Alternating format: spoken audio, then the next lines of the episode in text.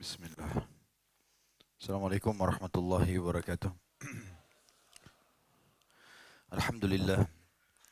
Tidak pernah lisan seorang mukmin terlepas daripada kalimat syukur dan terima kasih kepada Sang Pencipta ini. Karena dia sangat yakin kalimat ini adalah kalimat penyambung antara dia dengan Sang Pencipta agar segala kebutuhannya terpenuhi. Oleh karena itu sebagai orang yang beriman selalu lisan kita mengatakan alhamdulillah ala kulli hal.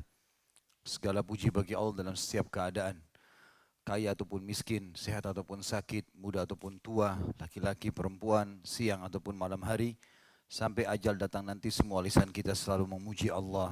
Alhamdulillah.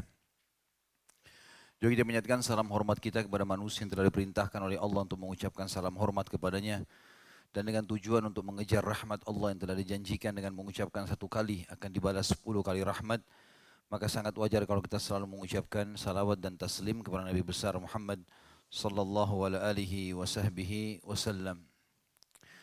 Melanjutkan bahasan kita, kita minhajul muslim dan masih adab. Dan kita masih di kitab adab atau bab adab. Sekarang kita masuk bab adab bersaudara sesama atau karena Allah. adab bersaudara karena Allah, mencintai dan membenci karena Allah. Setelah panjang lebar kita jelaskan adab sesama makhluk, maka ini adalah adab yang sangat penting bagi setiap muslim. Setiap orang di antara kita harus memahami ada sebuah konsep dasar dalam kehidupan sosial kita. Sesama muslim ada namanya ukhuwah secara umum. Semua muslim memiliki hak dari kita sebagaimana sudah kita jelaskan pada bab sebelumnya adab sesama makhluk tepatnya adab sesama muslim ada 22 poin menjenguknya kalau sakit membantunya kalau susah menjawab salamnya ngantar jenazahnya mengucapkan yarhamkallah kalau dia sedang mengatakan alhamdulillah kalau bersin. Kemudian menjenguknya kalau sakit, apa saja yang berhubungan dengan haknya sudah kita jelaskan panjang lebar. Ini muslim kita kenal atau tidak kita kenal. Sekarang pada malam ini kita bahas ke depan khusus ukhuwah yang khusus yang kita hanya memilih orang-orang tertentu dari kaum muslimin yang memiliki level ibadah, level ilmu jauh lebih tinggi daripada kita. Dengan tujuan agar kita bisa ikut bersama dia. Dan ini adalah ibadah khusus. Nabi SAW pada saat pertama hijrah ke Madinah melakukan tiga hal untuk pondasi negara Islam. Ini juga berlaku bagi eh, pendirian negara, pemerintahannya, atau perusahaan, yayasan, komplek perumahan, apa saja setiap muslim harus berlandaskan dengan tiga ini. Yang pertama, Nabi SAW membangun masjid. Masjid Kuba, seminggu kemudian beliau membangun Masjid Nabawi. Agar menjadi syiar kaum muslimin. Maka setiap kota, setiap yayasan, sekolah, apalah ya, perusahaan, harus ada masjidnya kalau muslim. Sehingga para pegawai tidak terganggu sholat lima waktunya, sholat Jumatnya. Kan. Dan ini memang yang selalu diusik oleh orang non-muslim. Gak boleh sholat, gak boleh sholat Jumat, gak boleh tutup aurat, sholat lima waktu, buang-buang waktu, dan seterusnya. Yang kedua adalah muakhah, persaudaraan antara sesama muslim. Dan Nabi SAW menetapkan langsung dua persaudaraan ini. Yang umum, semua muslim, saudara muslim. Sebagaimana Allah berfirman, "A'udzubillahi minasyaitonirrajim, innamal mu'minuna ikhwah, fa aslihu baina akhawaykum." Al-ayah. Semua orang beriman bersaudara dan mereka harus memperbaiki persaudaraan itu di antara mereka. Kalau ada yang salah dimaafkan dan diluruskan, kalau ada yang benar maka memaafkan dan memberikan dukungannya.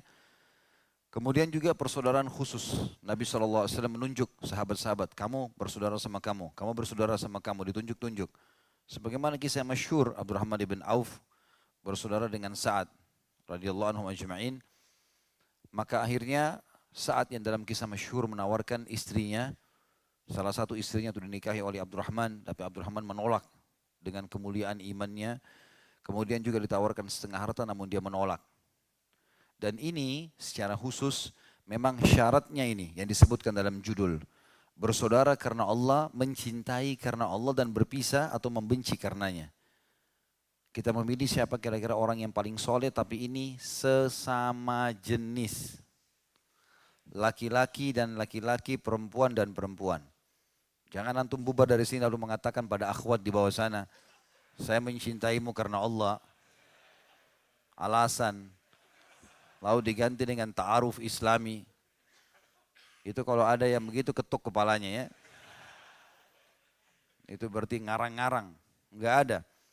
Tapi ini betul-betul sama jenis.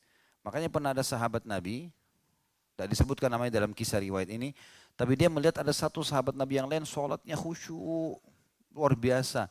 Ibadahnya kelihatan bagus, lalu orang itu keluar dari masjid. Sahabat ini bilang di hadapan Nabi SAW, ya Rasulullah, aku mencintai orang ini. Ibadahnya Masya Allah. Kata Nabi SAW, kejar, ucapkan di depan matanya. Bilang, aku mencintai kamu karena Allah. Tapi ini sesama jenis diucapkan. Ini sunnah Nabi SAW. Nanti akan kita sebutkan dalam adab-adab itu. Dan dia membenci juga karena Allah. Kalau misal saudara tadi itu menyimpang dari agama, mulai berbuat dosa, mulai lari dari sholat, lalai dari sholatnya, kita nasihati, luruskan. Kalau betul-betul tidak mau lurus, maka kita meninggalkan dia.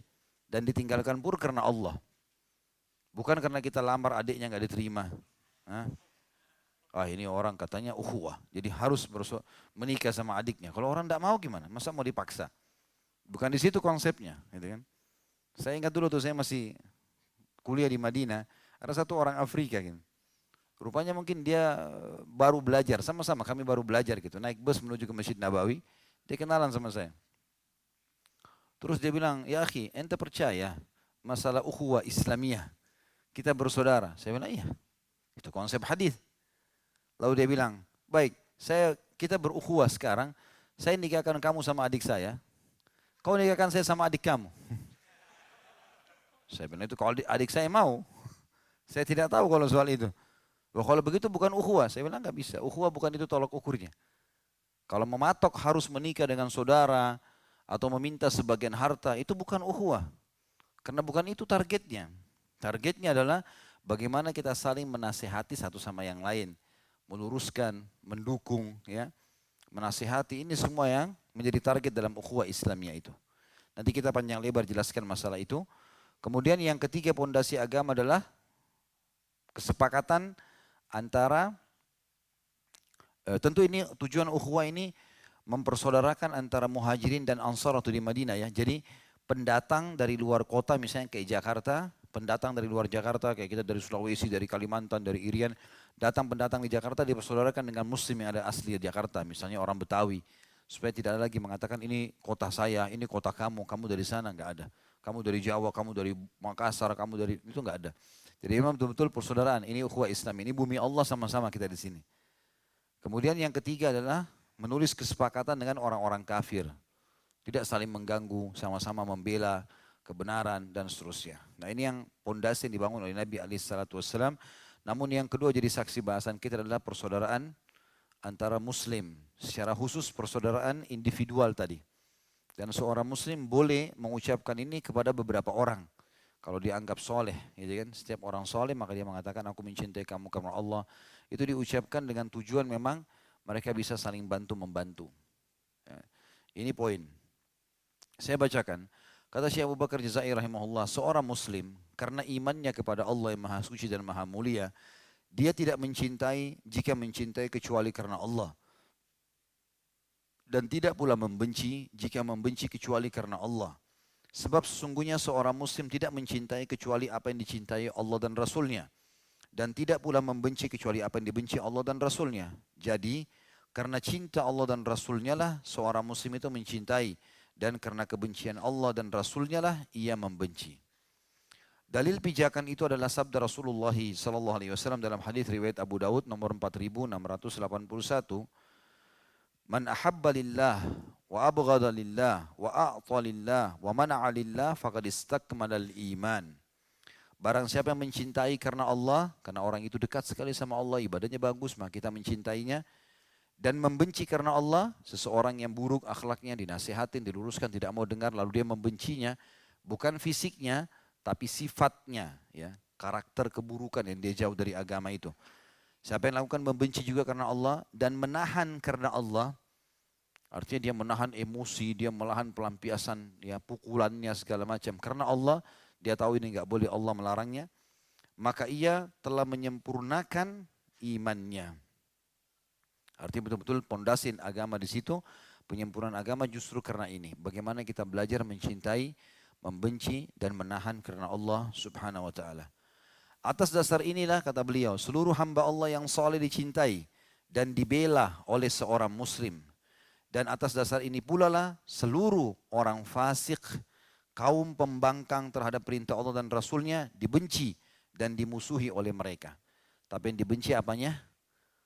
Sifatnya atau kesalahannya. Bukan fisiknya ya. Jadi kalau ada orang nggak mau ke masjid, kita aja, ayo sholat akhi, nggak nggak mau. Sholat tadi ingatkan, nggak mau nasihat. Maka kita benci perilaku itu, tidak maunya sholatnya itu. Itu saja yang kita benci. Tapi muamalah yang lain tidak ada urusannya. Dan seorang muslim harus bisa seperti itu. Tidak boleh kita memukul global. Jangan kena satu kesalahan orang semuanya kita pukul rata. Berarti dia buruk. Dalam masalah rumah tangga misalnya kata Nabi SAW, janganlah seorang mukmin membenci istrinya yang mukminah. Sebaliknya juga, istri mukminah tidak boleh membenci suaminya yang mukmin. Kalau dia menemukan satu hal yang buruk, dia masih bisa temukan hal yang baik dari sisi yang lain. Berarti kan di sini memang yang disuruh benci ya sesuatu yang salah itu. Gitu kan? Kalau istri kita misalnya salah dalam masak, maka yang sedang kita sorotin masakan itu, bukan semuanya global. Gara-gara salah masak saya menyesal menikah sama kamu misalnya. Nah, itu salah. Jadi kekeliruan yang satu itu belajar untuk meneliti dan e, menilai persubstansial. Karena memang begitu kehidupan kita. Tidak bisa kita pukul global. Kecuali kalau orang itu sudah sampai pada tingkat kekufuran, makar yang besar ya, berbuat hal-hal yang luar biasa, ya, itu lain. Ya, seperti misalnya orang-orang kafir yang keluar untuk memerangi kaum muslimin dikenal dengan kafir harbi, memang diperangi. Itu pun masih ada adab-adab dalam menghadapi mereka. Dikatakan oleh beliau di sini, namun demikian, semua itu tidak menghalangi seorang muslim untuk memilih saudara atau teman karena Allah yang secara khusus lebih ia cintai lagi ia sayangi. Sebab Rasulullah SAW telah menganjurkan memilih saudara-saudara dan teman-teman seperti itu. Seraya beliau bersabda, Al-mu'minu ilfun ma'luf, wala khaira fi man la ya'laf, wala yu'laf. Hadis ini itu riwayatkan Imam Ahmad nomor 8945, At-Tabarani dan Al-Hakim juga menyebutkannya dan beliau menilainya sahih. Yang artinya seorang mukmin itu akrab dan diakrabi orang-orang maka tidak ada kebaikan bagi orang yang tidak akrab dan tidak mau diakrabi oleh orang. Artinya orang mukmin menegur, tegur sapa, iya, salaman, iya, ya. Tidak ada sesuatu yang eksklusif bagi dia. Tentu ini makna umum ya, global. Ada orang mungkin senyum aja nggak mau, tegur sapa nggak mau, jawab salam nggak mau. Ya, ini mungkin keliru. Tapi ada juga orang yang salah faham. Hadis ini terlalu diglobalkan. Artinya ini kan muslim sama muslim saudara maka dia 24 jam di rumahnya orang. Ya. Selalu standby di situ. Saya kan saudara muslim harus diterima. Nah, bisa juga. Harus difahami masalah itu. Jadi maksud sini akrab adalah tegur sapa. Orang memenuhi waktu, di mana waktu yang lowong. Nanti kita baca adab-adabnya ya. Sesama saudara muslim aja ada adab-adab yang sudah kita pilih menjadi saudara kita yang kita ucapkan aku mencintai kau karena Allah ada adab-adabnya. Nanti kan kita paparkan masalah itu. Jadi hadis ini jangan juga terlalu global difahami sehingga akhirnya terbuka pintu-pintu yang membuat orang lain jadi tidak senang bergaul dengan kita. Tapi yang dimaksud dengan akrab, juga diakrabi. Orang adalah dia tegur siapa pada saat ditegur, dia mengucapkan salam, ada orang yang minta nasihat dinasihatin semampu dia, seperti itulah. Juga hadis yang selanjutnya adalah hadis Nabi alaihi wasallam dalam hadis sahih riwayat An-Nasa'i, "Inna haul al-arshi manabira min nurin 'alaiha qaumun libasuhum nur wa ujuhuhum nur, laisu bi anbiya'a wala syuhada, yaghbituhumun nabiyyuna wasyuhada." Faqalu ya Rasulullah, sifhum lana Faqala al-mutahabbuna fillah wal mutajalisuna fillah wal mutazawiruna fillah. Sesungguhnya di seputar arsh, di seputar arshnya Allah, singgasananya Allah ada mimbar-mimbar dari cahaya. Di, di atasnya ada orang-orang yang berpakaian atau pakaiannya dari cahaya. Wajah mereka adalah cahaya. Mereka bukan para nabi, bukan pula para syuhada. Bahkan mereka membuat iri para nabi dan para syuhada. Atau ini ini namanya iri iri gipta. Bagi teman-teman yang pegang buku ada dalam kurung gipta. Gipta sudah saya jelaskan ya. Jadi ada hal yang dilarang, ada hal yang tidak dilarang. Hal yang dilarang hasut, iri dengki. Dengan berharap nikmat itu hilang dari seseorang. Itu namanya hasut, nggak boleh. Kata Nabi SAW, hati-hati kalian dengan hasad, iyyakum wal hasad. karena dia akan memakan e, pahala sebagaimana api memakan kayu bakar. Ya.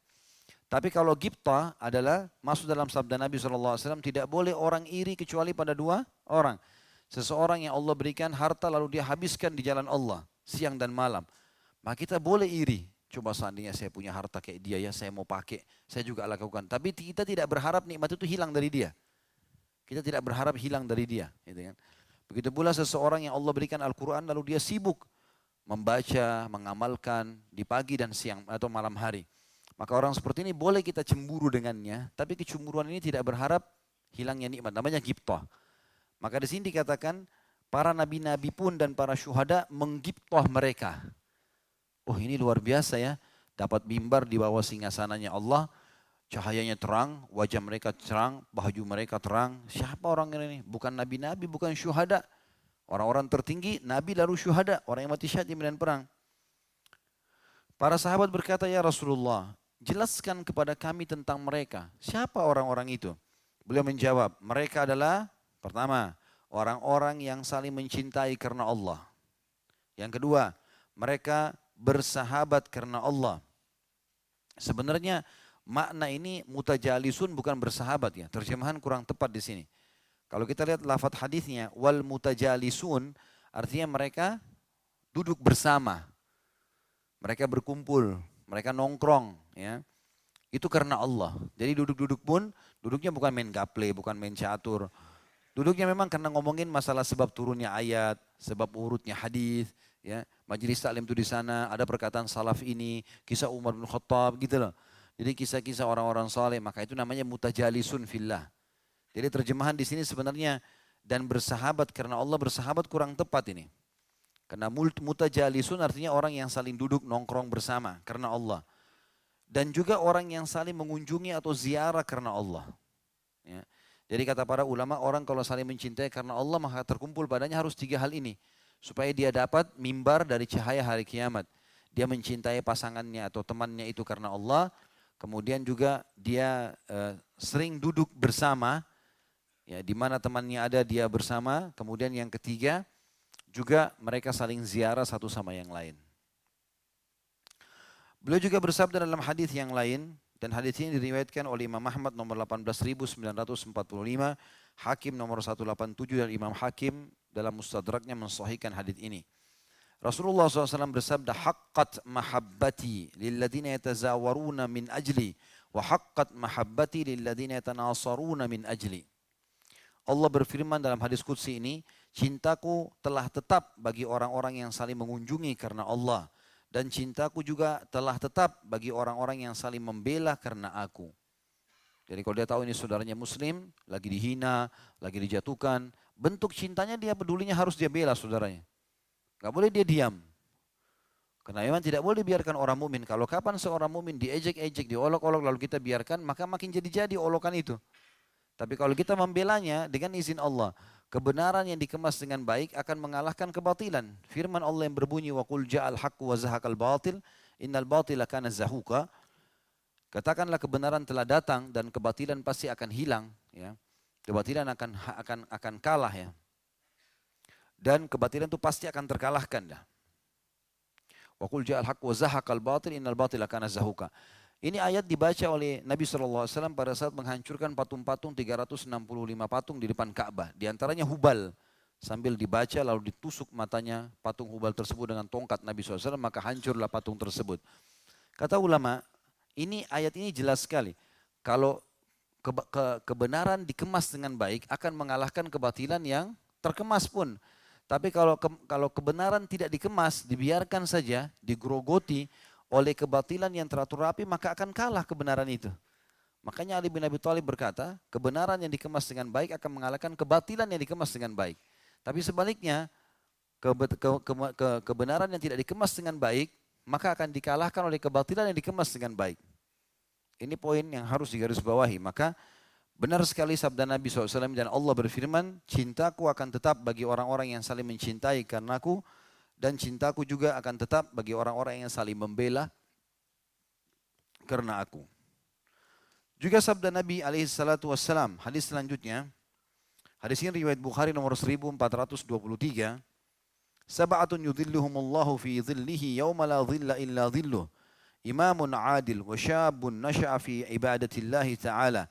ورجل قلبه معلق في المساجد إذا خرج منه حتى يعود إليه ورجلان تحابا في الله فاجتمع على ذلك وتفرق عليه ورجل ذكر الله خاليا ففاضت عيناه ورجل دعته امرأة ذات منصب ذات حسب وجمال فقال إني أخاف الله تعالى أو إني أخاف الله تعالى ورجل تصدق بصدقة فأخفاها حتى لا تعلم شمال ما تنفق يمينه Ada tujuh orang yang akan dinaungi Allah di bawah naungannya pada hari di mana tidak ada naungan selain naungannya. Yaitu pemimpin yang adil.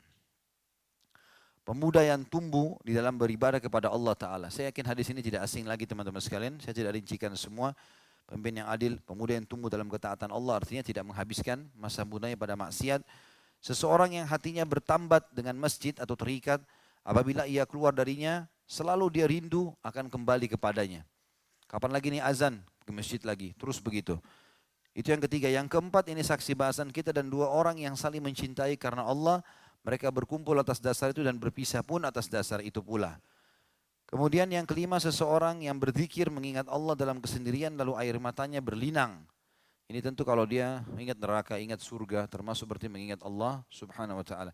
Ada hadis sahih yang lain berbunyi, nanti kalau ahli neraka sudah dikeluarkan semua, maka uh, masuk ke surga, masih ada yang tersisa kata Allah subhanahu wa ta'ala, keluarkan dari neraka orang yang pernah mengingatku sehari baik itu karena mengingat dengan lisannya atau pernah takut padaku di satu tempat.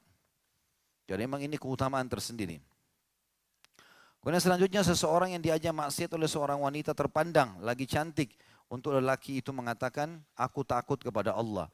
Jadi wanitanya cantik dan punya kedudukan. Dia tolak. Berarti yang jelek lebih pantas ditolak. Ya. Dan orang yang bersodokah, ia merahasiakannya hingga tangan kirinya tidak tahu apa yang disodokakan oleh tangan kanannya. Artinya kalau tangan kiri tidak tahu, tangan kiri pasti tidak akan tahu. Tapi ini adalah kinaya, gambaran dari Nabi SAW. Artinya kalau tangan kiri tidak tahu bagaimana dengan orang lain. Saksi bahasan kita dua orang yang saling mencintai karena Allah berkumpul atas dasar itu dan berpisah juga atas dasar itu. Hadis selanjutnya adalah hadis yang diriwayatkan Imam Muslim nomor 2567. Baginda Nabi SAW bersabda, Anna rajulan zara akhan lahu fillahi fa arsadallahu lahu malaka. Faqala aina turid? Qala uridu an azura akhi fi fulana. Faqala li hajatin laka indah? Qala la. Qala li karabatin bainaka wa bainah? Qala la. Qala fa bini'matin laka indah? Qala la. Qala fa bima? Qala uhibbuhu fillah. Qala fa inna Allah arsalani ilaika ukhbiruka bi annahu yuhibbuka li hubbika iyyah waqad aujaba lakal jannah. Hadis ini tentu saya katakan hadis sahih riwayat Muslim tadi bahwasanya kata Nabi SAW seseorang laki-laki mengunjungi saudaranya karena Allah. Lalu Allah mengutus seorang malaikat untuk mencegatnya. Tapi malaikat ini menjelma jadi manusia. Malaikat itu lalu bertanya, mau ke mana kamu? Orang itu menjawab, saya mau mengunjungi saudaraku si Fulan, sesama muslim, tapi di kota lain. Malaikat bertanya, apakah karena suatu keperluan padanya? Ia menjawab tidak. Malaikat bertanya, apakah karena ada hubungan kerabat antara kamu dengannya? Maka laki itu menjawab tidak. Malaikat bertanya lagi, apakah karena ada suatu nikmat milikmu padanya? Ada hutangnya dia? Ada hakmu yang kamu mau ambil? Jawabnya tidak. Malaikat menjawab bertanya lagi, lalu karena apa? Ia menjawab, karena aku mencintainya karena Allah. Maka malaikat itu berkata, sungguhnya Allah telah mengutusku kepadamu untuk aku sampaikan kepadamu bahwasanya dia mencintaimu karena kamu mencintai dia. Maksudnya saudaramu, karena Allah. Dan dia Allah telah memastikan surga bagimu. Dapat jaminan surga justru karena ingin berziarah saja ke rumah saudaranya muslim. Sebagian ulama hadis mengatakan ini bukan mustahil terjadi pada umat Muhammad SAW. Kapan, siapa, entah, Allah alam. Tapi sabda Nabi SAW benar. Seseorang nanti akan menziarahi saudaranya, kemudian malaikat akan datang, kemudian mengajak bicara dan menyampaikan pesan ini kepadanya. Kata beliau syarat persaudaraan ini adalah harus karena Allah dan di dalam mencari keridhaan Allah. Bersih dari segala noda dan hubungan materi secara total. Bukan karena duit, bukan karena dia kaya, bukan karena dia ini dan itu, tidak ada. Atau punya kelebihan fisik, ganteng, cantik, itu gak ada urusan. Atau dia kena darah garis, apalah, darah biru, darah merah, apalah, darah semua ini yang biasa dipakai di istilah kita. Pokoknya bukan karena itu semua, tapi karena Allah subhanahu wa ta'ala. Motivatornya adalah keimanan kepada Allah semata, bukan yang lainnya. Etika-etikanya adalah hendaknya orang yang dipilih menjadi saudara. Yang pertama, harus yang berakal sehat. Jangan cari orang gila. Loh ini serius. Karena tidak ada kebaikannya kata beliau, bersaudara dan berteman dengan orang-orang yang dungu atau bodoh. Orang bodoh dan dungu ini bisa membawa bahaya walaupun dia menginginkan agar bisa memberi manfaat. Umumnya ukhuwah boleh. Walaupun dia bodoh segala macam, iya. Tapi jadi sahabat dekat enggak? Cari orang yang lebih berprestasi, lebih pintar, lebih bertakwa, ya. Yang dia lebih dekat lah ya kepada Allah SWT terutama sisi ibadah dan ilmunya. Itu jadi tolak ukur. Yang kedua, dia berakhlak mulia. Teman-teman sekalian harus jangan terpengaruh dengan performan. Karena banyak orang di pengajian datang penampilannya luar biasa. Kita kalau lihat sepintas, oh ini ahli surga ini. Tapi di luar sana Allahu alam. Ya. Ada juga orang begitu datang di pengajian gerutu hatinya. Dia hanya mau mata-matai pengajian. Ya. Atau mencari apalah kesalahannya. Ada orang begitu. Atau hanya kenal nunjukin sama temannya kalau dia hebat bisa bertanya. Biasanya ciri-cirinya kalau dia sudah dijawab pertanyaannya dia sibuk dengan HP-nya. Dia nggak butuh jawabannya. Bagi dia yang penting pertanyaan sudah dijawab. Atau apalah semacam itu ya. Bukan itu. Karena bukan performance saja teman-teman. Kita mau mempertemukan antara penampilan dengan keikhlasan dia melakukan itu karena Allah. Memang istiqomah betul. Di belakang pun dia tidak melakukan kesalahan-kesalahan. Karena orang bukan jadi tolok ukur. Sekarang kan lagi, lagi model jilbab besar. Lagi model orang berjenggot gitu ya. Saya lewat di satu tempat ada kelompok anak muda berjenggot. Tapi merokok. Semuanya merokok gitu. Biasanya kalau di kalau di Saudi, saya bicara lingkup Saudi ya, orang kalau sudah berjenggot tuh kayak mustahil merokok. Udah. Kayak sudah mustahil. Pasti aneh gitu. Karena tidak ketemu antara rokok yang dianggap sudah difatwakan haram oleh para ulama dengan dianya berjenggotnya gitu. Tapi ada saja, di Indonesia masih ada gitu. Dianggap biasa bagi mereka itu bukan sesuatu yang haram lah. Kalau dia tahu itu haram dan dia sudah belajar ilmunya tidak mungkin dia akan lakukan lagi. Apa pun konsekuensinya harus ditinggalkan. Haram ya haram gitu. Antum ini belajar ilmu untuk diterapin atau hanya untuk dikenang saja? Ya, anak sih tahu haram, tapi tapi ada syaitan. Nah. Enggak ada tapi-tapian. Tinggalin. Sekali komitmen-komitmen gitu kan. Baru Allah minta tinggalin rokok sudah nggak bisa. Bagaimana kalau Allah minta darah? Terus mau dapat bidadari di surga? Mengkhayal. Mau yang enak-enak tapi nggak mau mengikuti Allah, gimana caranya? Gak boleh, jadi harus akhlak ini kelihatan. Gitu kan? Ada banyak orang modelnya begitu. Ya. Ada pernah saya hadir di satu pengajian di daerah salah satu Jakarta lah. Pas saya pergi pengajian rame, bapak-bapak ibu-ibu. Ada ibu pengurus pengajian pakai jilbab tertutup rapat. Waktu itu kebetulan ada buku pesanan, saya kasih buku pesanan. Ini cerita mungkin sekitar 8 tahun, 9 tahun yang lalu ya. Kemudian kata dia ini datang kepada saya, ini Ustadz belum bisa dibayar semua bukunya, oh nggak apa-apa, nanti aja kapan. Terus dia hubungin saya kalau dia minta waktu datang ke rumah. Saya bilang silahkan datang, temuin istri saya nanti. Pagi sebelum saya pergi tadi rupanya muncul, dia habis antar anaknya sekolah. Istri saya masuk ke dalam panggil. Saya bilang ini ada perempuan di depan nyari, tapi saya bilang kenapa tapi? Pakaiannya kok sama sekali kayak bukan Islam ya. Emang kenapa? Ya, lihat aja sendiri. Saya keluar, saya masuk lagi, karena memang di depan ada ibu-ibu pakai rok pendek. Ini datang di rumah saya sendiri nih. Terus saya masuk kembali, saya bilang coba tanya, mungkin dia salah alamat. Mungkin dia maksudnya rumah tetangga, bahagia. Karena saya tinggal di satu komplek yang ada 15 rumah gitu. Mungkin di sebelah-sebelah ada orang. Saya sama saya bukan, katanya ibu pengajian. Ya sudah coba kamu tanya siapa. Baru saya tahu ternyata ibu itu tuh, ketua majelis taklim yang mau nyerahin duit dikasih istri saya langsung sudah selesai pamit pulang gitu. Saya bilang temuin, saya nggak akan temuin. Tapi saya kaget gitu, kok bisa di pengajian dengan penampilan yang tertutup, ya, dengan tidak melihat wajah, cuma menawarkan buku, toh ini di pinggir jalan Jalannya seperti itu kan. Jadi kayak cuma model saja. Hayatan di pengajian ini bukan memiliki akhlak yang mulia teman-teman sekalian. Antum ada ada orang tidak ada orang di keramaian atau sendiri tetap sebagai seorang muslim yang tahu Tuhannya. Ya. Itu yang mukmin yang sebenarnya itu akhlak mulia. Bagaimana kita menjaga hal-hal yang positif ada orang gak ada orang tetap begitu komitmen. Tidak tergoda teman-teman sekalian. Maka itu akhlak yang mulia. Maka orang-orang seperti ini harus layak kita jadikan sebagai teman. Memang dia di belakang atau atau dia keramaian atau sendiri pun tetap sama keadaannya. Dan boleh, kata sebagian ulama, kita meneliti orang itu dulu. Kita sudah tahu ini orang dari target saya. Kita telusurin orang itu dalam kehidupan sehari-harinya. Kita cari tahu, oh ternyata orang ini betul-betul memang Masya Allah akhlaknya. Ada orang, gak ada orang, tetap khusyuk sholatnya, tetap baca Quran. Majelis ilmu tidak pernah ketinggalan walaupun dia capek bekerja. Nanti pelajari, oh ternyata orang ini layak. Baru kita ucapkan, kepada dia kalimat tersebut. Kata beliau, poin kedua, kriteria orang yang harus dipilih adalah berakhlak mulia sebab orang yang berakhlak buruk, orang yang berakhlak buruk sekalipun berakal, cerdas, bisa dikalahkan oleh hawa nafsunya atau dikuasai oleh emosi amarahnya hingga menimpahkan keburukan kepada temannya. Ya. Saya disampaikan sama istri saya pada saat lagi kumpul dengan beberapa akhwat di pengajian. Dia sampai pulang terus mengatakan kepada saya, saya nggak tahu apakah memang tadi itu saya salah dengar atau memang akhwat ini pada ngomong.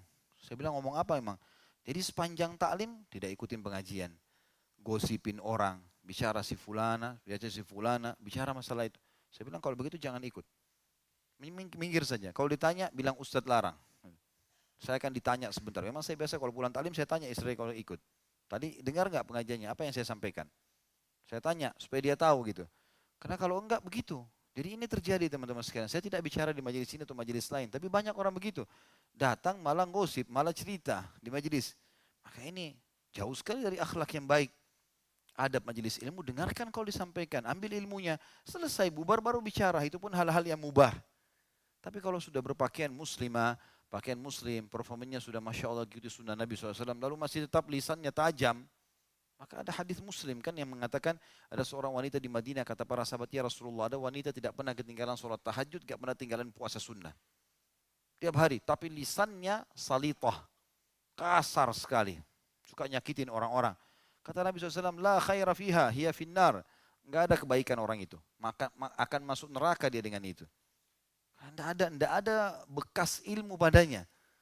Masalah ghibah dosa besar dianggap biasa. Masalah fitnah biasa. Malah kadang-kadang lebih hebat gosipnya di majelis daripada orang-orang yang awam di luar sana. Gitu kan. Ini kalau mereka jadi orang awam luar biasa sebenarnya. Ya. Jadi ahli gosip. Ya. Dibayar sama entertainment barangkali. Tapi ini dibawa ke majelis, ini nggak boleh. Ya. Yang ketiga orangnya cirinya bertakwa. Sebab seorang yang fasik, fasik artinya banyak buat maksiat, yang tidak taat kepada Allah tidak dapat dipercaya. Karena bisa jadi ia berbuat jahat terhadap temannya sendiri dengan tidak menghiraukan persaudaraan dan persahabatan. Sebab orang yang tidak takut kepada Allah pasti tidak takut kepada selain Allah. Pasti temannya pun dia bisa khianati. Saya kemarin pergi pengajian ada seorang ikhwah bawa saya jemput pakai mobil. Kemudian jalan. Kebetulan waktu itu memang dia tawarkan untuk menjemput saya katakan iya. Di tengah jalan dia bicara sama saya. Ustaz, saya temukan ada satu orang bagaimana saya menghadapi. Ikhwah, hadir pengajian, bahkan suka ingatkan jangan ke ustadz itu, jangan ke ustadz ini. Wah ngomongnya luar biasa. Nasihati nasihat ini. Tapi dia muamalahnya buat nota palsu. Bohong dalam melaporkan informasi kepada saya padahal dia pernah bisnis saya. Gitu kan. Dan banyak hal yang diceritakan. Ternyata bukan cuma ah ini. Dia bilang banyak teman-teman yang tertipu dengan orang ini. Bagaimana bisa ini? Ini berarti orang yang cuma berkedok saja. Gitu kan. Gak ada bekas ketakwaan pada dirinya. Dia nggak takut sama Allah SWT. Dan sejauh apa sih antum mau menipu teman-teman sekalian? Allah itu tidak tersembunyi baginya apa-apa. Jangan mengkhayal antum bisa menyembunyikan itu. Allah akan bongkar. Kalau kebaikan akan jadi pelajaran buat orang lain. Kalau keburukan hukuman bagi antum. Tidak boleh ini. Semuanya harus diterapkan. Muamalah muamalah. Jujur jujur. Amanah amanah. Dan itu semua kita lakukan karena Allah subhanahu wa ta'ala. Itu namanya level ketakwaan. Yang keempat, orangnya harus berpegang teguh pada Al-Quran dan Sunnah. Jauh dari khurafat dan bid'ah. Sebab seorang pelaku bid'ah dapat menyakiti temannya karena kebusukan bid'ahnya. Menjauhi pelaku bid'ah dan menurut hawa nafsu merupakan keniscayaan. Memutus hubungan dengan mereka adalah keharusan. maka bagaimana mungkin bersaudara dan bersahabat dengan mereka? Artinya ukhuwah Islamiyah umum iya, saudara kita muslim yang salah berbuat bidah syirik kita nasihatin. Tapi saudara yang selalu melekat sama kita nggak boleh. Oh nanti saya mau nasihatin dia, bukan waktunya menasihatin. Kita waktunya teman-teman sekalian mengambil hal yang lebih baik daripada saudara kita. Ini harus digarisbawahi. Seorang soleh dalam memilih sahabat telah memberikan ringkasan seraya berpesan kepada putranya jadi ada orang soleh dulu menasihatin putranya bagaimana memilih teman karena Allah. Hai anakku, apabila engkau butuh bersahabat dengan seseorang maka bersahabatlah dengan orang yang jika engkau melayaninya maka dia menjagamu. Kalau kita eh, memberikan pengorbanan dia menilai itu. Ya. Jika engkau bersahabat dengannya ia akan menghiasimu dan jika maksudnya akan menjadi nama baik. Siapa temanmu si fulan? Oh masya Allah orang baik tuh. Jadi kita jadi baik gara-gara dia. Nama kita harum justru karena dia. Dan jika kamu sedang membutuhkan pembekalan, maka ia mencukupimu, baik itu ilmu atau bekal-bekal materi. Bersahabatlah dengan orang yang apabila engkau mengulurkan tangan kebaikan kepadanya, ia membalasmu. Apabila ia melihat kebaikan padamu, ia menghargainya. Dan jika melihat kekurangan padamu, ia menyempurnakannya. Bersahabatlah engkau dengan orang yang apabila engkau meminta sesuatu kepadanya, ia memberi. Jika kamu diam, ia memulainya. Dan jika engkau ditimpa musibah, ia menghiburmu. Bersahabatlah engkau dengan orang yang apabila engkau bicara, ia mempercayai pembicaraanmu. Jika kamu berdua dalam satu urusan, ia menjadikanmu pemimpin. Dan jika kamu berdua berselisih tentang sesuatu, ia selalu mendahulukan dirimu. Ini tentu nasihat seorang salaf kepada anaknya. Sekarang kita masuk ke hak-hak persaudaraan karena Allah. Kalau kita sudah dapat orangnya, jadi memang tidak perlu buru-buru ya. Pelan-pelan mencari, menyortir di majelis ta'lim, di masjid, orang yang lebih soleh, orang lebih baik, hafalan Qurannya lebih banyak, ya. Selalu kalau kita ketemu itu nasihat-nasihat ini manfaatnya besar teman-teman. Saya punya dua orang sahabat dekat yang saya mencintai mereka karena Allah di Madinah sampai sekarang, masya Allah dua-duanya doktor. Satu dokter Hussein Jabiri, satu dokter uh, Muhammad Rahili.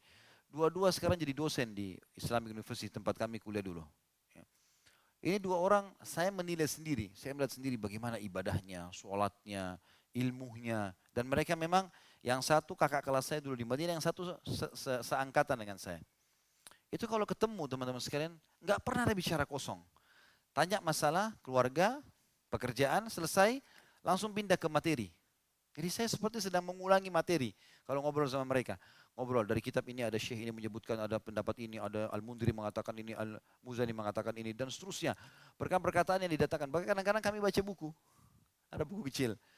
Ayo kita uh, siapa kira-kira yang bisa menyelesaikan lebih cepat? Hafal yuk, kita hafal sekarang. Kutaibat kecil, duduk sebentar, saling menghafal. Lalu mengulangin dalam setengah jam, satu jam di masjid. Dengan begitu cepatnya ketemu di majelis syekh siapa, syekh siapa. Saya sendiri merasakan seperti berada di sebuah rel yang terawasi. Mereka pun mengatakan itu pada saya. Dia bilang, saya pun kalau dekat sama kamu, Khalid sama. Kita merasa seperti sedang terel. Saling menasihatin. Kalau saya telepon, maka dia bilang, siapa yang lebih dulu nasihatin, kamu atau saya? Saya bilang, Fadol, kamu dulu. Teruslah saling saling menasihatin gitu. Ya pernah saya satu kali telepon-teleponan sama beliau, salah satu yang dokter Hussein, lalu saya mengatakan, apa kabar akhi baik ini? Telepon-teleponan untuk tanya kabar, lalu dia mengatakan, Khalid coba nasihati saya. Bilang, baiklah, saya coba. Tapi ini apa yang muncul di benak saya, saya sampaikan ya. Dia bilang, iya. Saya bilang, siapa menurut kamu orang yang paling soleh di Saudi, menurut kamu? Dia bilang, menurut saya Syekh Bimbas. Salah satu mufti Saudi yang matanya buta dan Masya Allah ilmunya ke mana-mana. Bukunya banyak diterjemahkan dibagi-bagi di musim haji untuk jemaah haji. Waktu meninggal disolati di Ka'bah, nggak bisa lagi dibawa jenazahnya ke Ma'lah, 7 km. Dari kepala ke kepala, karena raminya orang yang hadir. Dari tempat sholat sampai ke liang lahat. Nggak ada tempat, nggak bisa orang jalan. Dia bilang Syekh Bimba. Saya bilang kenapa? Dia bilang orang ilmunya luas, mufti Saudi, orang banyak dari muridnya, ya banyak memahami ilmu agama, termasuk saya dia bilang. Saya bilang baik. Kira-kira sekarang sudah meninggal tentunya, beliau sudah meninggal Allah. Apa pendapat orang dan pendapat kamu tentang dia? Dia bilang, oh pasti orang menyebutkan, baik. Dia kira-kira menurut teori syariah yang kamu fahami, saya bilang, dia masuk surga enggak? Dia bilang, ya tentu saya masuk surga. Teori syariah enggak mungkin salah. Orangnya sesuai dengan Al-Quran dan Sunnah, banyak meluruskan perbuatan bidah dan syirik. Ya, fatwanya di mana-mana. Satu Saudi ini diambil fatwanya dan banyak negara-negara muslim mengambil fatwanya. Saya bilang baik. Nasihat saya adalah, jadikan diri kamu seperti bimbas sebelum kau meninggal sekarang. Itu nasihat saya. Artinya, Sekarang kalau kamu tahu Bimbas begitu meninggal rahimahullah, dikenang kebaikannya, ilmunya yang luas, fatwanya sana sini. Kamu bisa jadi seperti dia. Jadikan dirimu kalau meninggal seperti Bimbas nanti. Bukan mustahil. Minta kepada Allah SWT. Itu nasihat saya. Dan Alhamdulillah dia tangkap itu nasihatnya. Sebelum meninggal, jangan sampai nanti kita meninggal malah orang kenang keburukannya.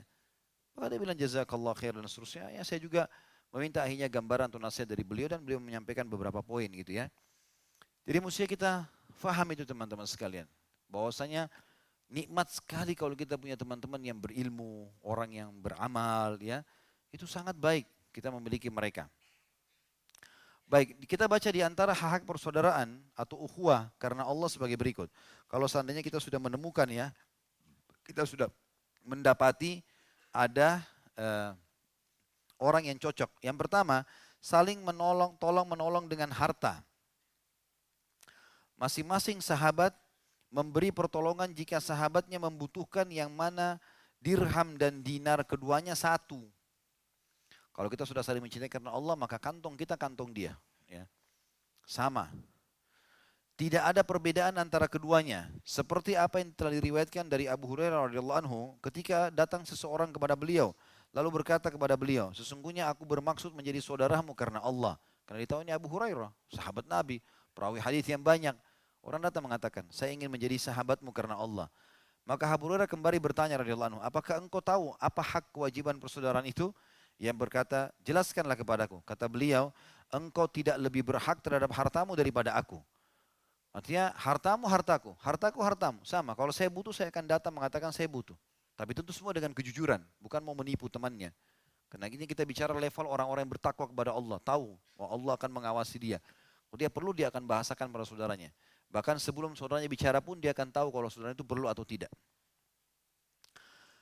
Maka kata orang, kata Abu Hurairah, engkau tidak lebih berhak terhadap hartamu daripada aku. Sama, sebagaimana kau bisa mengeluarkan berapa saja, kapan saja, aku juga begitu.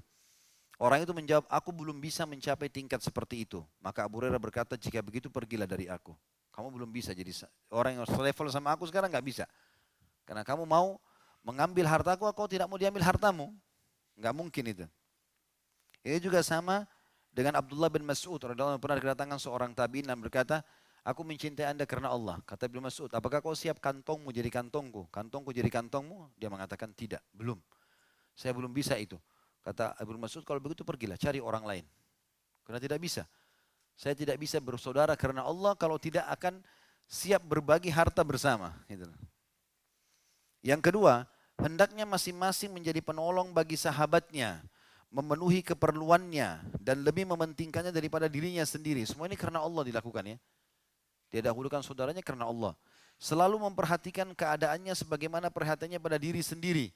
Kalau ada sesuatu yang kurang langsung dia nasihatin. Ada bau badan, ada penampilan yang kurang bagus. Dia langsung nasihatin, luruskan. Jangan dikekang sama dia, jangan diceritakan di belakang. Tapi dia langsung meluruskannya. Mendahulukannya atas dirinya, keluarganya, bahkan atas anak-anaknya sendiri. Tiga hari sekali ia menanyakan keadaannya jika sahabatnya itu sakit. Niscaya dia segera menjenguknya. Jika sibuk ia memberikan bantuan. Jika lupa ia mengingatkannya. Menyambutnya dengan lapang dada dan wajah berseri-seri jika ia dekat memberinya tempat apabila ia hendak duduk dan menyimak pembicaranya apabila ia berbicara. Termasuk adab ukhuwah adalah kalau saudara kita lagi bicara jangan dipotong, biarin dia selesai dulu sampai selesai baru kita bicara. Walaupun kita sudah tahu ada kekeliruan, kita tinggal tahu di poin ini perlu saya luruskan nanti. Setelah selesai sudah akhir sudah, sudah ukti baik. Bisa saya sampaikan jawaban saya silahkan. Baik. Tadi waktu antum sampaikan ini poin ini kayaknya ada kekeliruan karena ini dan ini misalnya. Menurut saya seperti ini. Ya. Maka itu kita diskusikan dan itu termasuk menghargai dia. Ya, karena memotong orang sebelum selesai mungkin kita tidak maksud tidak tidak faham maksudnya. Sampai sebagian salah mengatakan kepada anaknya menasihatin, kalau engkau berbicara dengan orang maka fahamilah apa yang dia inginkan sampai selesai, baru kamu jawab sesuai dengan target yang dia inginkan. Karena kalau kau memotongnya sebelum kau memahami berarti kau lebih bodoh daripada orang yang bicara itu sendiri. Karena kamu belum faham apa yang dia inginkan. Mungkin subhanallah dia cuma sampaikan setelah panjang dia ceritakan apa ternyata ujungnya cuma sekedar bisa nggak saya pinjam kendaraan misalnya. Atau apa, padahal sebenarnya dia cerita panjang ini tadi malam istrinya sakit apa segala macam ujungnya cuma masalah itu. Kalau kita buru-buru potong mungkin kita nggak paham padahal sebenarnya targetnya adalah bagaimana memenuhi kebutuhan itu saja. Yang ketiga, menjaga lisan darinya kecuali untuk kebaikan Oleh karena itu seorang muslim tidak menyebut-nyebut aib atau kekurangan saudaranya dikala ia tidak bersamanya atau dikala ia hadir dan juga tidak mencari apa-apa yang menjadi rahasianya. Jadi kalau dia tidak menceritakan jangan dikorek, kan kita sudah ukhuwah. Cerita dong semuanya, masalah istrimu, masalah anakmu. Ya enggak harus. Itu bukan bukan berarti harus masuk ke sana. Kalau dia cerita, dia butuh nasihat kita tanggapi. Kalau tidak, enggak usah dikorek-korek. Jadi kita tidak mencari cara apa yang menjadi rahasianya. Tidak pula berupaya mencari tahu tentang apa yang disembunyikan dalam dirinya. Maka apabila ia melihatnya sedang berjalan menuju tempat hajat atau keperluan, ia tidak lancang meminta untuk membeberkannya. Dan tidak pula berusaha untuk mengetahui sumber asalnya. Oh ada teman kita lewat naik mobil ke satu arah, kita tahunya dia kerja di sana, tapi dia kok ke arah sana, kita kebetulan lihat. Tidak usah nanti kita telepon dia, kamu mau ke mana, ayo. Kenapa kok lewat sana? Saya sahabatmu loh, saya harus tahu. Nah, untuk apa? Enggak perlu. Kalau dia nggak cerita nggak usah tahu. Seakan-akan kita nggak melihatnya. Itu termasuk adab dalam ukhuwah. Ya. Dikatakan oleh beliau, tidak lancang meminta untuk membeberkannya dan tidak pula berusaha untuk mengetahui sumber asalnya. Selalu bersikap lembut kepadanya bila memerintah sahabatnya berbuat kebaikan. Kalau dia ingatkan kebaikan, ingatkan baik-baik atau bila melarangnya berbuat mungkar tidak menentangnya di dalam berbicara dan tidak mendebatnya serta tidak pula mencaci atau memakinya karena sesuatu. Dinasihati dengan cara baik, dengan santun. Satu kali, dua kali. Kalau sudah beberapa kali dia tidak mau baru kita tinggalkan karena Allah.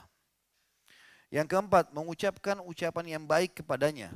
Sebagaimana ia suka ucapan itu untuk dirinya. Maka dari itu seorang muslim memanggil sahabatnya dengan nama yang sangat ia sukai. Selalu menyebut-nyebut kebaikannya, baik di saat ia ada maupun tidak. Ia sampaikan pujian orang kepadanya dengan menampakkan kebahagiaannya karena pujian itu. Tidak terlalu panjang dalam menasehatinya sehingga membuatnya bosan dan tidak pula menasehatinya di hadapan orang banyak karena yang demikian itu dapat mempermalukannya. Jadi nggak boleh kita nasihatin orang di hadapan orang lain, nggak boleh teman-teman. Walaupun dia salah, panggil ke samping, nasihatin dengan cara baik-baik itu positif. Tapi jangan nasihatin sampai kata Nabi SAW, siapa yang mengingatkan saudaranya di depan orang lain, maka dia telah menghancurkannya, merusaknya. Karena bisa saja dia akhirnya malu, dia nggak mau lagi terima kebenaran.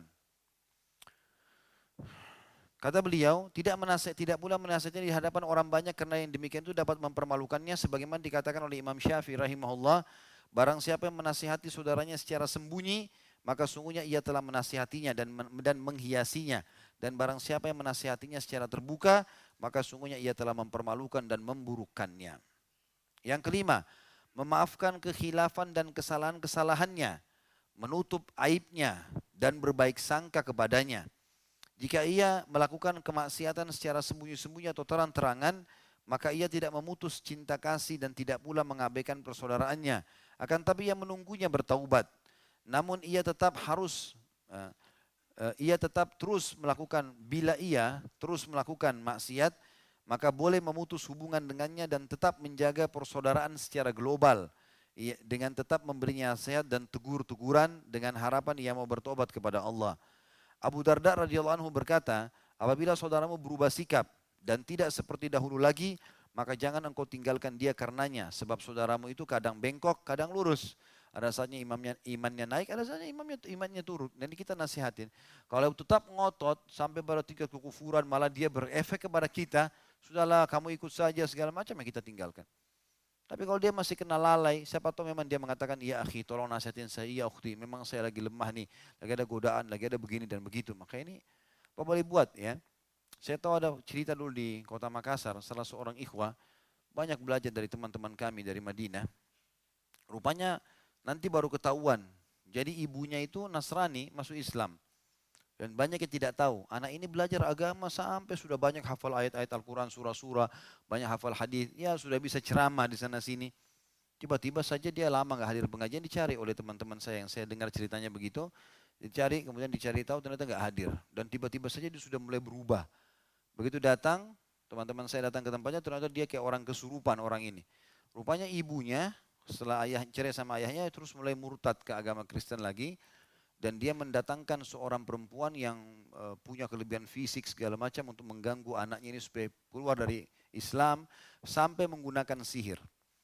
Nah ini kalau orang tidak faham tentang kondisi saudaranya dia pasti tinggalkan. Ini orang kok bermaksiat berteman sama perempuan bergaul bebas padahal sebenarnya dia kena sihir. Dan ketahuannya pada saat salah salah seorang ustaz dari Madinah datang ke majelis eh, ke rumahnya itu dia teriak-teriak dari dalam jadi kayak orang kesurupan suruh pergi orang itu saya merasa panas dan seterusnya. Akhirnya dirukyah setelah dirukyah dia mengatakan asyhadu an la ilaha illallah wa anna muhammad rasulullah.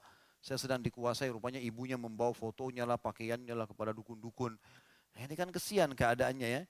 Maka kita harus menelusuri dulu itu. Tidak boleh kita buru-buru untuk menghakimi seseorang gitu kan. Yang keenam, memenuhi hak-hak persaudaraan ke, ke, kepadanya dengan memperkuat dan melanggengkan ikatannya. Karena memutus ikatan persaudaraan dapat menghapus pahalanya. Dan jika saudara atau sahabatmu itu meninggal, hendaklah persaudaraan dipindahkan kepada anak-anaknya dan kepada sahabat-sahabatnya untuk menjaga persaudaraan dan sebagai tanda kesetiaan kepadanya. Rasulullah SAW sangat memuliakan seorang wanita tua yang datang kepadanya. Dan ketika beliau ditanya tentang hal tersebut, beliau menjawab, Innaha kanat ta'tina ayyama khadijah, wa inna karamal ahdi minad din. Hadis ini diriwayatkan oleh Hakim dan beliau mensahihkannya. Sesungguhnya wanita tua ini biasa datang kepada kami ketika Khadijah masih hidup, anha, dan sungguhnya memuliakan persahabatan itu termasuk bagian daripada agama. Jadi ternyata yang datang ke rumah Nabi SAW, waktu itu di rumahnya Aisyah, sahabat dekatnya Khadijah. Maka Nabi SAW suruh Aisyah pun menghormati ini karena dulu sahabat istrinya. Ini termasuk menjaga persahabatan dengan seseorang, maka itu sangat besar. Juga poin dari hadis ini bisa diambil e, sebuah pelajaran juga sebagian ulama mengatakan tentu ukhuwah dengan orang-orang yang dekat ya sahabat-sahabat ini sangat bagus dan juga bisa kita jalin ini kalau kalau dengan lawan jenis kalau dengan istri atau dengan suami dibolehkan seseorang mengucapkan ini pada pasangan hidupnya kalau memang dianggap pasangan itu adalah orang yang paling tepat untuk dia berbagi, bisa menasehatinya. Termasuk tanda kesetiaan adalah tidak bersahabat dengan musuh sahabat. Imam Syafi'i rahimahullah pernah berkata, apabila sahabatmu taat kepada musuhmu, maka itu berarti mereka berdua sama-sama memusuhimu. Ya. Maksudnya musuh ini karena Allah ya. Ada orang kena buruk, jauh dari agama, orang fasik, orang yang tidak baik, benci agama Islam. Ternyata sahabat kita ini dekat dengan dia. Kenapa kau dekat dengan dia? Ya mungkin saja bisa dapat hidayah. Enggak, bukan begitu caranya. Nasihatin kita pergi, bukan berteman. Bukan datang ke rumahnya. Enggak bisa ini. Atau jalan sama-sama, enggak bisa. Ya, jangan duduk sama orang fasik, enggak bisa. Bermajlis sama mereka berbahaya. Berbahaya. Satu kisah buruk saja tentang zinanya, tentang khamernya, atau leluconnya, sudah cukup membuat kita jauh dari agama. Ya, nggak bisa sama sekali. Kita bermajlis pada orang yang buruk ini bahaya baik ahli maksiat ataupun ahli bid'ah atau orang-orang yang suka melakukan perbuatan-perbuatan syirik yang jauh dari agama atau syubhat banyak syubhatnya nggak jelas ini begini ini begitu nggak jelas. Maka ini jangan juga ini bahaya. Karena nanti akhirnya kita jadi pelimplang nggak tahu. Oh ternyata boleh. Oh ternyata nggak boleh. Semua boleh. Ini jadi masalah juga ya. Jadi sebaiknya tidak boleh karena memang harus kita mengontrol itu. Karena kita manusia lemah sekali ya sensitif sekali. Yang ketujuh, tidak membebaninya dengan sesuatu yang memberatkan atau membuatnya tidak senang. Maka seorang muslim tidak berupaya memanfaatkan kedudukan atau harta saudaranya atau memaksanya untuk melakukan pekerjaan-pekerjaan sebab dasar persaudaraan itu adalah karena Allah. Maka dari itu tidak pantas mengalihkan persaudaraan itu untuk mendapatkan kepentingan dunia atau menolak mara bahaya. Oh karena ini saudara saya di sana, nggak apa-apa. Ini anak saya masukin kerja ya. Kan kita bersaudara. Ini begini, kan kita bersaudara. Ini akhirnya ditunggangi kalimat kalau bersaudaranya. Ya. Ini nggak boleh. Sebagaimana tidak boleh membebaninya, juga tidak boleh membuatnya memaksakan diri karena keduanya merusak citra persaudaraan, menodainya dan mengurangi pahala yang merupakan tujuan dari persaudaraan. Maka seorang muslim harus membuang segala bentuk keras kepala, mau menang sendiri, pemaksaan dan unsur kepentingan pribadi dalam persaudaraan karena hal-hal seperti ini mengakibatkan kegarangan dan meniadakan keramahan. Dalam sebuah athar disebutkan, Ana wa atqiya'u ummati bara'um minat takalluf. Aku kata Nabi SAW dan orang-orang yang bertakwa dari umatku berlepas diri dari sikap memaksakan diri. Jadi kita boleh membantu saudara kita tapi jangan kita sampai memaksakan diri. Ada namanya ithar boleh. Ithar itu mendahulukan saudara kita dari diri kita. Tapi kita memaksakan diri untuk dia tidak. Seperti misalnya ada orang memaksakan diri harus utang dengan orang lain untuk saudaranya. Nah kalau dia memang tidak mampu jangan. Karena membuka pintu utang tanpa udur bisa dosa. Dia bahasakan saya tidak bisa. Baik kita sama-sama cari jalan keluarnya. Diskusi, musyawarah itu yang penting. Salah seorang saleh pernah berkata, Barang siapa yang hilang sikap memaksakan diri, niscaya langgeng cintanya. Dan barang siapa yang ringan atau sedikit permintaannya niscaya abadi kasih sayangnya. Ini dalam rumah tangga, dalam bersahabat ini penting. Kalau jarang sekali kita bebankan saudara kita muslim atau pasangan kita, maka tentu saja dia akan lebih langgeng dengan kita. Tapi kalau setiap kali ketemu, setiap kali selalu saja permintaan, permohonan, ya apa saja yang jadi beban. Jadi seakan-akan ketemu pun, ini apalagi yang mau diminta nih, ya. Apalagi pesanannya nih, apalagi ininya nih. Kan kita ukhuwah, ya, Selalu menyalahgunakan kalimat ukhuwah ini. Kita akan bersaudara karena Allah. Tanda hilangnya sikap memaksakan diri yang melahirkan cinta dan menghilangkan kesepian dan kerenggangan adalah bila sahabat bisa melakukan empat perkara di rumah sahabatnya. Yaitu makan di rumahnya, masuk ke kamar kecil yang ada di situ, sholat dan tidur bersamanya. Apabila ia bisa melakukan itu semua, maka persaudaraan atau persahabatan telah sempurna. Rasa malu yang menjadi penyebab kesepian dan kerenggangan pasti hilang. Kasih sayangnya pun dapat dirasakan dan kegembiraan pasti terwujud. Artinya kalaupun sudah jadi sahabat dekat, maka biasa saja kalau memang dia perlu datang nginap di rumah ya dia nginap di rumah, dia makan yang dia makan gitu kan. Itu juga termasuk kelanggengan artinya datangnya sesuatu tapi bukan taklif, bukan beban. Pada saat dia bilang saya akan datang nginap, saudaranya bilang kayaknya belum bisa malam ini karena ada kerabat yang nginap di rumah, kamarnya nggak ada. Oh ya baiklah. Wah masa nggak bisa sih? Mungkin bisa di sebelahnya gudang atau di ruang tamu, tetap maksa kan ukhuwah. Nah, ini salah ini ya. Yang kedelapan, mendoakan kebaikan bagi sahabat, anak-anaknya dan orang-orang yang ada hubungan dengannya sebagaimana doanya untuk diri dan anak-anaknya sendiri dan orang-orang yang ada hubungan dengannya. Sebab tidak ada bedanya di antara mereka berdua karena persaudaraan yang telah mengikat mereka berdua. Maka dia selalu mendoakan sahabatnya di kala hidup, mati, hadir ataupun jauh darinya. Rasulullah SAW bersabda dalam hadis yang sahih riwayat Imam Muslim nomor 2732, "Idza da'a ar-rajul li akhihi fi dhahril ghaibi qala al-malak wa laka mithlu dhalik." Apabila seseorang mendoakan kebaikan untuk saudaranya di saat dia absen atau tidak ada di hadapannya, maka malaikat berdoa dan untukmu seperti itu. Seorang saleh juga berkata, di manakah perumpamaan sosok saudara yang soleh? Karena apabila seseorang meninggal dunia, maka keluarganya sibuk membagi-bagi harta warisannya dan bersenang-senang dengan peninggalannya. Sedangkan saudara atau sahabat yang soleh bersedih dan merasa kehilangan karena kematiannya. Ia senantiasa mendoakannya di kegelapan malam dan memohonkan ampun baginya di kala saudaranya tengah berada di balik tanah. Ini kurang lebih Allah alam adab bersaudara karena Allah Subhanahu wa taala. Baik begitu saya teman-teman sekalian, semoga apa yang kita bahas ini bermanfaat buat kita dan dijadikan sebagai tambahan amal kita pada hari kiamat.